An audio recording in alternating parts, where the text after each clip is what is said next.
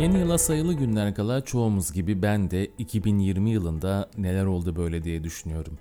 Sürekli beklenmedik yeni inişler çıkışlar oldu hayatımda. Açıkçası bu bir yıl bana sanki 5 yıl gibi geldi. En azından ben böyle hissediyorum. Yıl içinde okuduğum kitaplardan bu yıl öğrendiğim farklı ve en önemli konuysa insan büyüdüğünü, geliştiğini, duygusal ve fiziksel dirençlerini kırdığını, en çok bu yılki gibi stres ve acı hissettiği anlarda anlıyormuş. Ben ve ailem yaşamın, birlikteliğin ve aile olmanın ne demek olduğunu bu yıl çok daha yoğun hissettik. Daha önceleri vazgeçilmezmiş gibi görünen birçok şeyin aslında hayatımda olmasa da nefes alabileceğimi, hayatta kalabileceğimi gördüm. Bu durum biraz zorunlu da olsa bana hayattan daha farklı şekillerde lezzet almamı sağladı. Sosyal mesafe tanımı hayatıma girmeden önce uzaktan görüşmeler bana çok gereksiz geliyordu. Nasılsa hafta sonu görüşebilirim. Nasılsa birkaç gün sonra arayıp buluşabiliriz ve yüz yüze görüşürüz diye düşünerek aramadığım, görüşmediğim sevdiklerim vardı. Ama gel gör ki artık ekranlar aracılığıyla da görüşmenin fiziksel görüşme kadar önemli olduğunu hissettirdi. Plan yapmanın, planlı yaşamanın çok önemli olduğunu 2020'nin başlarında sudan çıkmış balık gibi evimde kısıtlandığımda nasıl da hissettim. 2020'nin hayatıma kattığı bir diğer değişiklik olan ve rutin haline getirdiğim sabah yürüyüşlerimde bugün düşündüm de ben 2020'de en önemli ne öğrendim? Daha önceki birçok yazımda da yazdığım gibi bu blogu aslında kendime yazıyorum ve nasibi olan okuyor. Sizlerin de bu yıldan neler öğrendiğinizi merak etmiyor değilim. Yazının altına yorum olarak yazabilirseniz, bana ve bu yazıyı okuyanlara yardımcı olursanız memnun olurum. İşte geçtiğimiz günlerde 2021'e neler yaparak girmem gerektiğini yazmıştım ve bunu az önce de dile getirmiştim. Hadi gelelim bu sabahki yürüyüşümde zihnimden geçirdiğim ve 2020'den bu yıl öğrendiğim 5 maddeyi birlikte gözden geçirelim. İlk olarak portföyümü çeşitlendirmem gerektiğini hissettim ve öğrendim. Tüm yumurtalarımı tek bir sepete koymadığımdan emin olmanın ne kadar önemli bir konu olduğunu öğrendim. Bir şirket çalışanı da olsam ve şirketimin mali durumları bu süreçten etkilenmemiş olan şanslı azınlıktan da olsam bu yıl okuduğum kitaplardan, blog yazılarından ama her şeyden öte etrafımdaki hayatlardan öğrendiğim en önemli şey insanın farklı gelir kaynaklarının olması gerekliliği.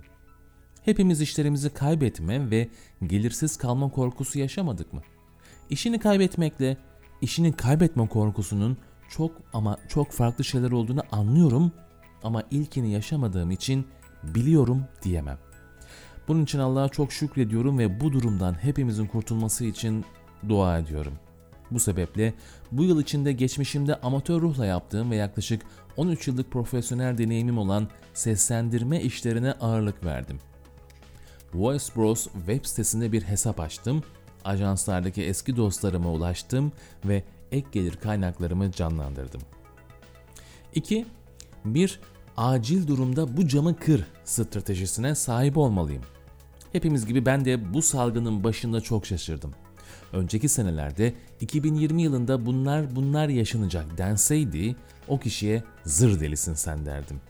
Ama yaşadıklarımızı hepimiz biliyoruz öyle değil mi?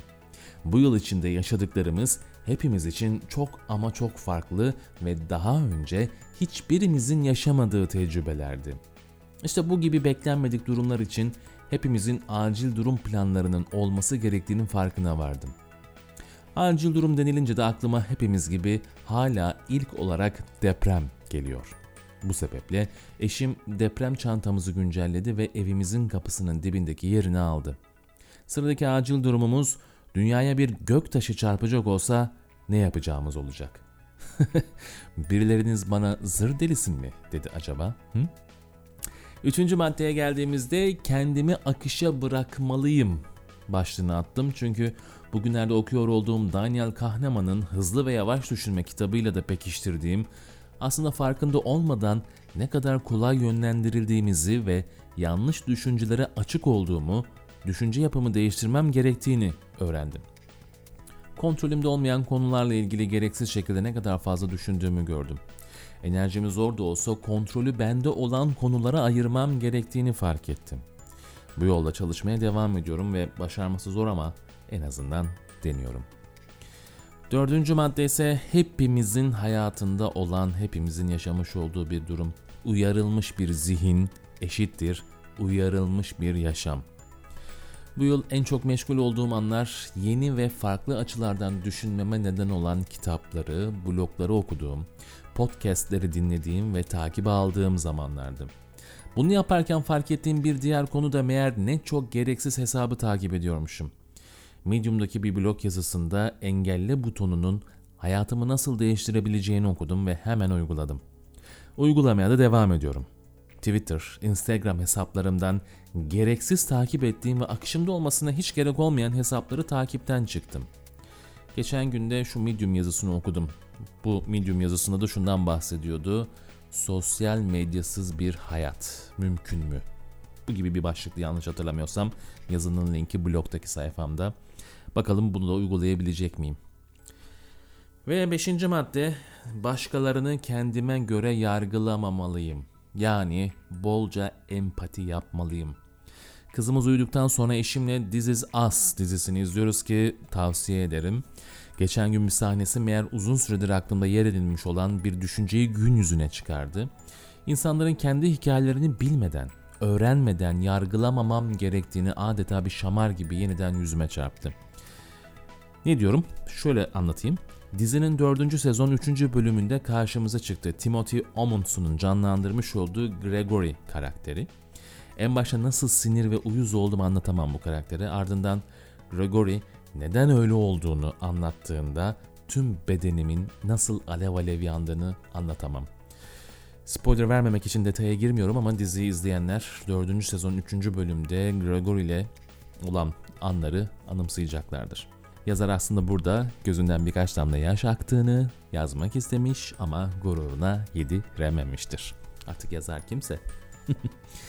İşte birbirimize her zaman merhamet göstermeliyiz. Her birimizin benzersiz ve ağır yükler taşıdığını aklımızdan hiç çıkarmamamız gerektiğini anladım ve kimseyi hikayesini öğrenmeden yargılamamam gerektiğini hissettim. Ve bu yazımın başlığına ilham veren Ataol Behramoğlu'nun bu güzel şiirle de veda edeyim. He? Sağlıkla kalın.